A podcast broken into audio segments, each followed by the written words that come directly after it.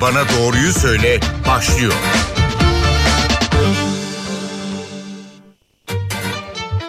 Merhaba NTV Radyo'da Doktor Bana Doğruyu Söyle başladı. Ben Zeynep Gülalp. Bugün ani bebek ve çocuk ölümleri konusunu konuşuyoruz. Nedenleri ne olabilir, belirtileri var mıdır? Çocuklarda kalp krizi görülme oranı ve tedavi süreci nasıl olmalı sorularını iki ayrı uzman konuğumuza yönelteceğiz. Önce çocuk hastalıkları ve sağlığı uzmanı doçent doktor Bahar Kural'la ardından da çocuk kardiyolojisi uzmanı Profesör Doktor Feyza Ayşenur Paç'la konuşacağız. Siz de bize sorularınızı 0530 010 22 22 numaralı WhatsApp hattımızdan iletebilirsiniz. Doçent Doktor Bahar Kural hattımızda. Hocam hoş geldiniz yayınımıza. Hoş buldum. Sağ olun. Şimdi öncelikle hemen soralım. Yurt dışı kaynaklı birçok haber okuduk geçen hafta ani bebek ölümlerine ilişkin. Bu ani bebek ölümü sendromu nedir bize anlatır mısınız? Tabii e, sağlıkla dünyaya gelmiş bir bebeğin e, daha önce bilinen bir hastalığı olmayan sağlıklı bir bebeğin uykuda hayatını kaybetmesine biz ani bebek ölüm sendromu diyoruz. E, burada e, bebeğin yattığı yerin, olay yerinin sonrasında yapılan otopsiyle dahil herhangi bir nedene bağlanamayan bu ölümünü biz tıpta ani bebek ölüm sendromu olarak adlandırıyoruz. Peki bu durum ne sıklıkla görülüyor ve çocuklarda bir aslında öncesinde belirti gözleniyor mu? Hayır öncesinde bir belirti gözlenmiyor. Çocuklarda sıklıkla bebeklerde ilk bir yılda ortaya çıkıyor. Özellikle yaşamın 2-4 ay arasında görülme sıklığı daha yüksek. Fakat e, e, bunu önleyebilmek için bizim alabileceğimiz bazı önlemler bulunuyor. Onların hepsine biz e, güvenli uyku prensipleri diyoruz ve her çocukta bu risk olabildiği için her bebekte bu ani bebek ölüm riski olabildiği için de bu e, güvenli uyku prensiplerinin tüm çocuklara uygulanması gerekiyor.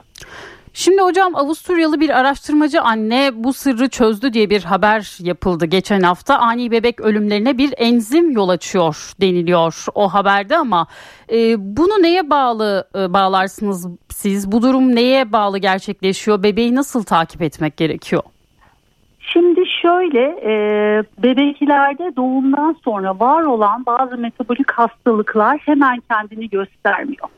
Zaman içinde e, o maddenin vücutta birikmesiyle ya da e, gereken e, metabolik maddenin üretilmemesiyle beraber bu metabolik hastalıklar çocuklarda zaman içinde belirti bulgularını veriyorlar. Bu çalışmada sizin e, söylediğiniz çalışma bununla ilgili olabilir. Ben okumadım hı hı. bu makaleyi fakat bununla ilgili olabilir. Ama bizim ani bebek ölüm sendromu diyebilmemiz için çocuklarda biraz önce söylediğim gibi ölümden sonra mutlaka çok detaylı bir tıbbi araştırma yapılıyor. Yani altında bir metabolik hastalık varsa bu çocuğun e, beşik ölümü değil, ani bebek ölümü değil, metabolik hastalık zemininde gelişmiş bir ani bebek ölümü olduğunu biz belirtiyoruz. Yani o yüzden de e, bizim bu ani bebek ölümü tanımını yapabilmek çok kolay değil. Peki az önce güvenli uyku ortamından bahsettiniz. Bebeğin güvenli uyku ortamı nasıl olmalı? Koruyucu ve risk oluşturan faktörler neler? Ee, bebeklerin e, her zaman e, sırt üstü pozisyonda yatırılmasını öneriyoruz biz. Tabii e, bu yatış pozisyonları kültürlere, geleneklere bağlı olarak değişebiliyor ama yapılan çalışmalar, e, kanıta dayalı yapılan araştırmalarda bebeklerin her zaman e, sırt üstü ilk bir yaşına kadar sırt üstü yatırılmaları bebekleri ani bebek ölüm sendromundan e, koruyan pozisyon olduğu belirtilmekte. Hocam Yine araya girip hemen affedersiniz şunu tabii, söylemek isterim. Tabii. Genelde büyükler işte e, yeni evet. anne olmuş e, e, kadına bebeği yan e, çevirerek yatır diye uyarıda bulunurlar ki hani eğer bir kusarsa kusma durumu olursa yana doğru gitsin diye genzine kaçmasın diye. Bu o zaman tamamıyla yanlış bir e, öneri herhalde. Kesinlikle kesinlikle çocuklar e, sırt üstü baş bir yanda olabilir. Başını çevirebilirler ama zaten bebekler yani doğumdan itibaren başlarını yatarken istedikleri tarafa çevirebildiklerinden dolayı bu e, bir e, problem oluşturmuyor.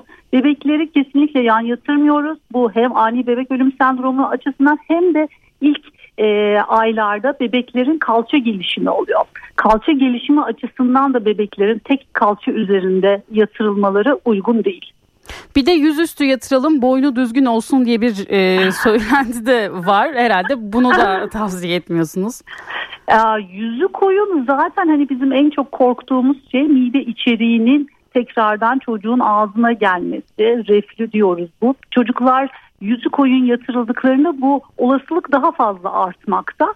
O yüzden zaten hiç önermiyoruz e, yüzü koyun yatışı. Yüzü koyun yatışı çocuklarda anne yanındayken çocuğun oyun zamanı için e, sırt, bel kaslarının gelişmesi, kafa e, şeklinin güzel olması için öneriyoruz. Ama çocuğun oyun vaktini karnı üstünde geçirmesini istiyoruz. Uykuda her zaman sırt üstü pozisyon. Peki bir de e, çocuk uyusun diye ayakta sallama yöntemi vardır. Onunla ilgili ne söylemek istersiniz? E, bu o, çocukların o, uykuya dalma alışkanlıklarını bozan bir durum.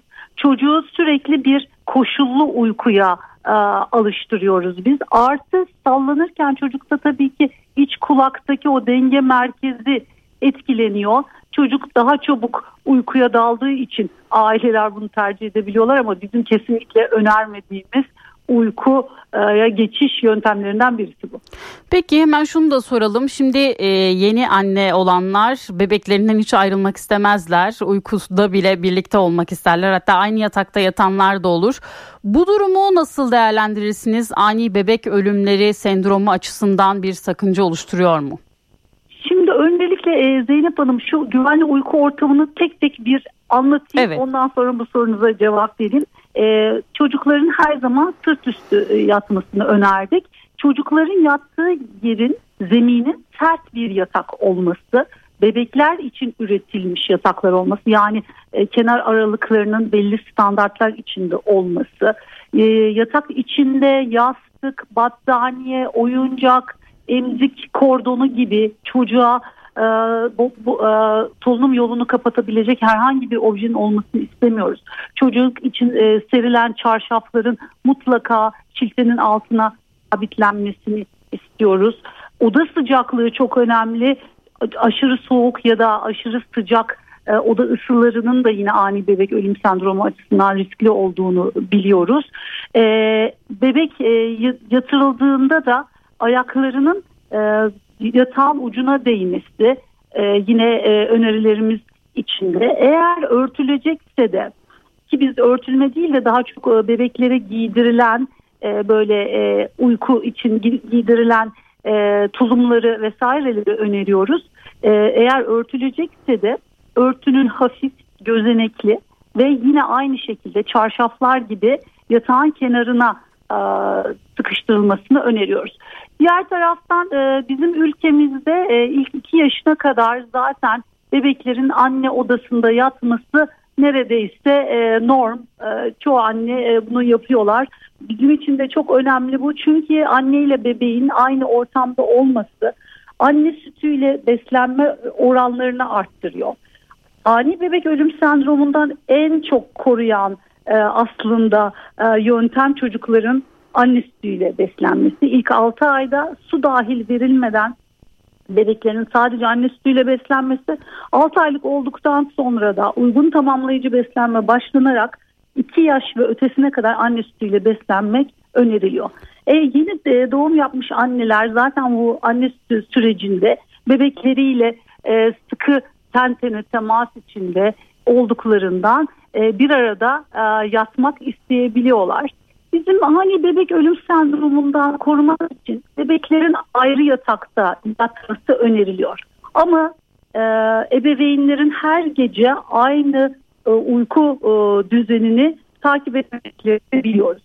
Bu o zaman da bizim e, çocuk sağlığı ile ilgilenen uzmanların güvenli bir arada yatma e, konusunda önerileri bulunuyor. Eğer anne ile bebek aynı yatağı paylaşacaklarsa e, bu yatağın da yine aynı şekilde sert olması gerekiyor. Bebeğin kesinlikle yataktan düşmeyecek şekilde bir aranjman yapılması gerekiyor. Gerekirse yerde bile yatılabilir. Yeter, yeter ki çocuk yataktan düşmesin ya da yatakla herhangi başka bir obje arasına sıkışmasın. Annenin e, kesinlikle e, sigara kullanmaması, e, uyku yapacak ilaç ya da alkol kullanmaması öneriliyor. E, anne bebek bir arada yatacaksa bu daha çok anne sütüyle beslenen bebeklerde anne bebek çifti arasında olması isteniyor.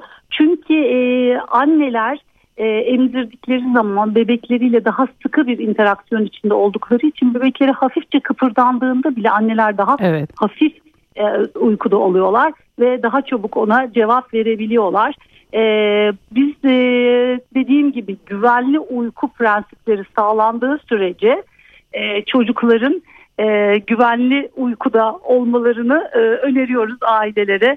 Ama dediğim gibi yine de biz bebeklerin ayrı yatakta yatmasını öneriyoruz. Çok kısa bir süremiz kaldı. İki sorum olacak size. Şimdi önce anne sütünü soralım. Nasıl koruyor? Anne sütü nasıl koruyor? Şöyle ki e, birincisi e, biraz önce söylediğim gibi anne sütüyle beslenen bebeklerde anne bebek bağlanması daha fazla oluyor. Anneler bebeğini daha fazla kestirebiliyorlar. Anne ile bebek bir harmoni içinde oldukları için gün içindeki uyku uyanıklık süreleri de anneyle be- benziyor. Diğer taraftan anne sütü alan bebekler enfeksiyonlara karşı daha fazla korunuyorlar. E, enfeksiyon geçirmeme, sağlıklı olma, çocuğun ani bebek ölüm sendromundan korunmasına neden oluyor. Altta yatan bir enfeksiyon hastalığını önleyerek. Ayrıca anne sütünün sindirimi kolay.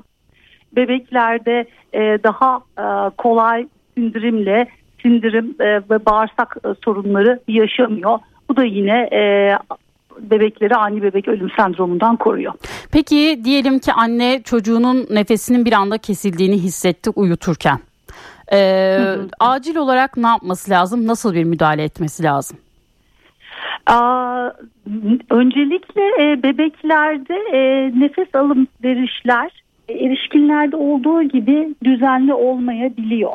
Daha uzun süre nefes almayıp sonrasında arka arkaya daha sık nefesler alabiliyorlar. Özellikle bu e, farklı nefes alma paternleri prematüre bebeklerde olabiliyor. Yani gerçekten bunun bir nefes durması olup olmadığını anlamak çok önemli. Genelde e, çocuklar e, altta yatan herhangi bir şey yoksa bu e, apne dediğimiz solunum durmalarına karşı e, duyarlıdırlar. Yani belli bir süre nefes almadıktan sonraki 20 saniyenin üstünde nefes almama dönemlerine apne diyoruz. Burada e, çocuğun kusup kusmadığına, mide içeriğinin ağzına girip gelmediğine bakmak gerekiyor sadece solunum değil dolaşımının da e, olup olmadığına bakmak gerekiyor. Herhalde e, Zeynep Hanım burada söylemeliyiz ki bebeklerde ilk yardımı e, bütün ebeveynlerin öğrenmesi gerekiyor. Yani özellikle şunu yapın çocuğu şu şekilde kurtarın gibi bir öneri buradan yapmak zor ama dediğim gibi öncelikle ağzında bir şey var mı bir kusma hadisesi gerçekleşmiş mi diye kontrol etmelerinde fayda var. Hocam çok teşekkür ediyoruz yayınımıza katıldığınız için. Ben teşekkür ederim.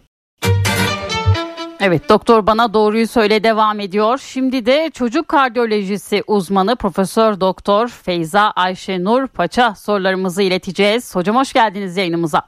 Hoş bulduk teşekkür ederim. Şimdi ani çocuk ve bebek ölümleri konusunu konuşuyoruz. Önce çocuklar kalp krizi geçirir mi diye soralım size.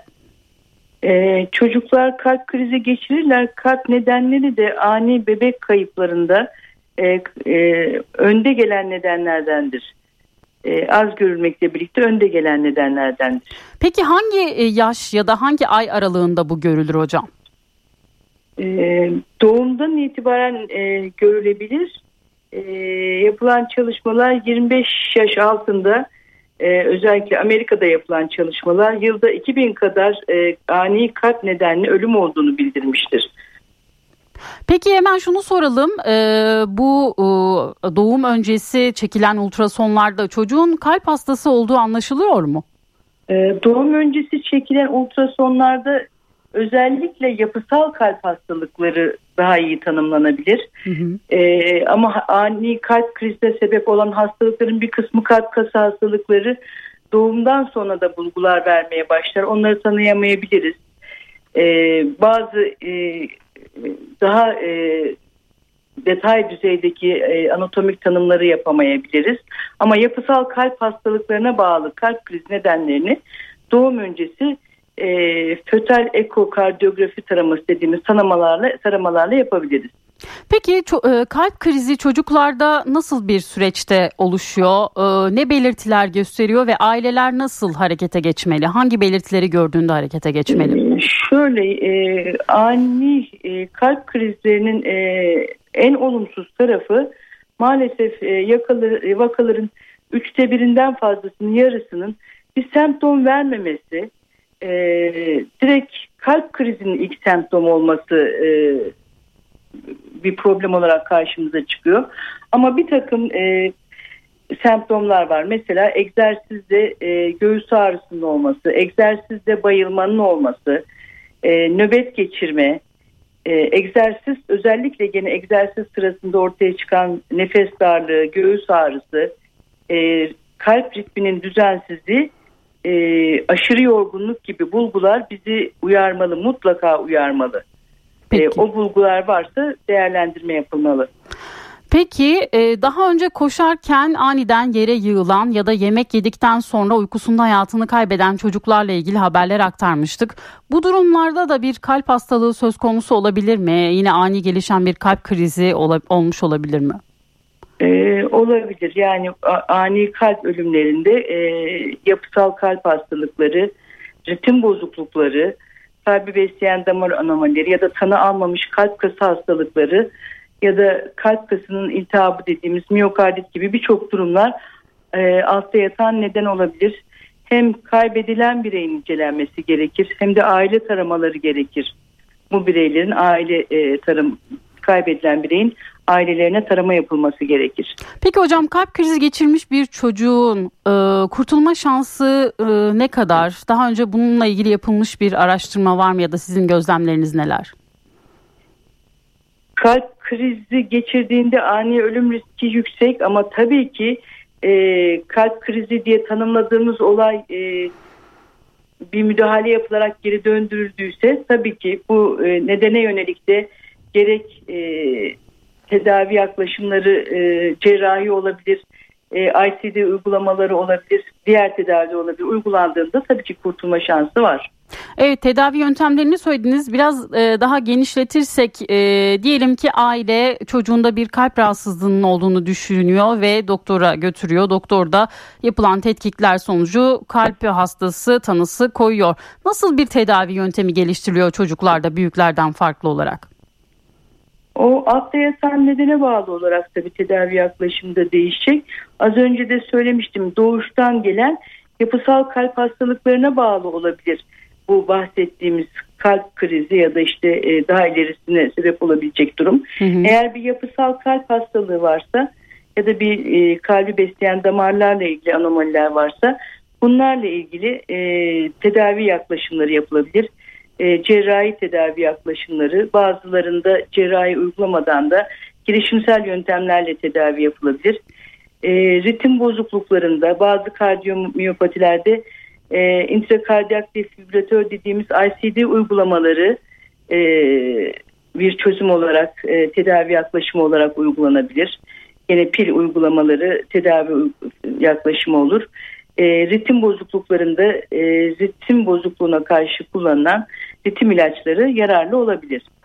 Peki e, hocam beslenmeleri ya da hareketleri nasıl takip edilmeli çocukların kalp sağlığı açısından? Bununla alakalı mı bunun dışında mı onu şey yapamadım. Yani evet. Çocukların kalp sağ yani kalp hastası tedavi e, tanısı konulmuş bir çocuğun beslenmesi ve hareketleri nasıl takip edilmeli? Şimdi bizim hastalıklarım bu bahsettiğim hastalıklar direkt beslenmeyle ilgili değil. Hı hı. E, bu ani kalp krizine sebep olanlardan e, ritim bozukluklarından özellikle uzun küte e, varsa e, bazı ilaçlarda uzun küte yapabileceğinden o ilaçların kullanımında çok dikkat etmek lazım. Beslenme deyince beslenme e, bizim doğuştan kalp hastalıklarımızda bazı maddelerin kullanımı e, bazı hastalıklarla ilişkili bulunmuş ama beslenme tarzı gelecekteki kalp sağlığımızı etkiliyor. Hı hı. Tabii ki çocuklarımızın beslenmesine ve yaşam şekline gelecekteki kalp sağlığını düzenlemek açısından, hazırlamak açısından dikkat etmeliyiz. Çünkü erişkindeki kalp sağlığımızı biz çocukluğumuzdan itibaren hazırlıyoruz.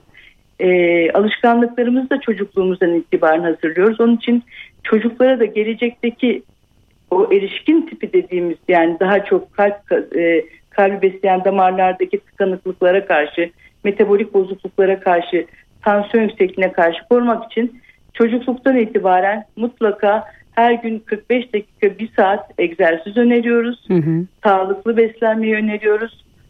Çocukluktan itibaren tuz yükünü fazla alıştırmamayı, Akdeniz tipi beslenmeyi öneriyoruz.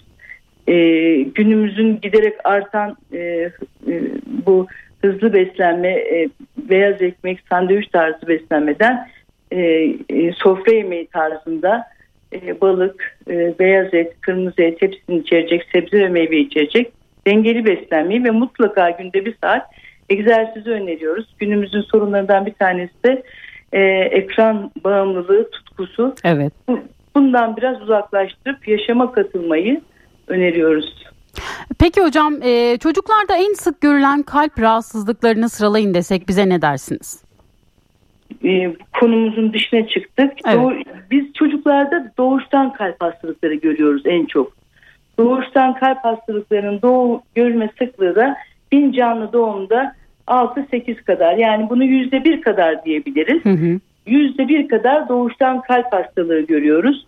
Bunların da en sık görüleni kalpte karıncıklar arası deliklikler, işte E, kulakçıklar arası deliklikler, damar arası açıklıklar, damar yolu çıkışları, darlıkları e, çok şükür ki daha kompleks olanları, daha ağır olanları da daha daha az görüyoruz.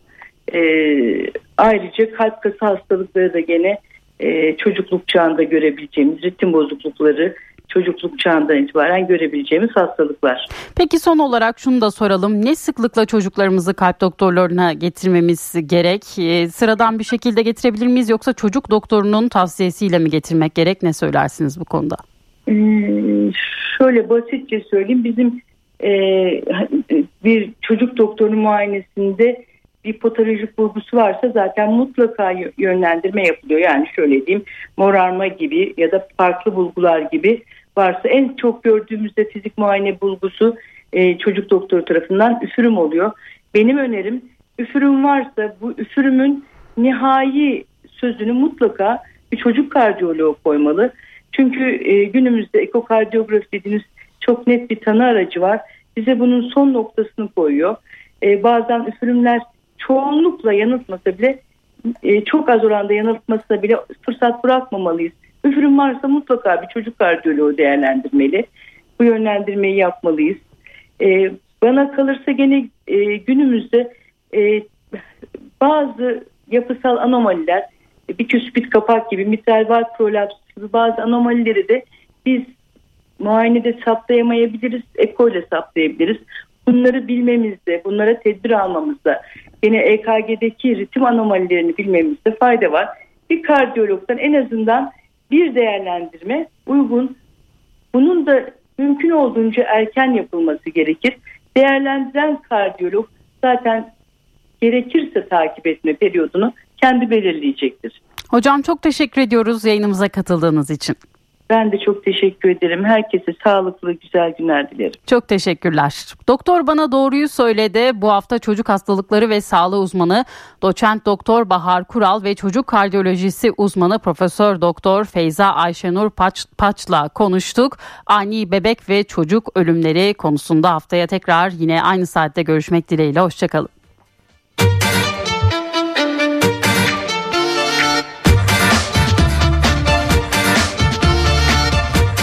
Bana doğruyu söyle.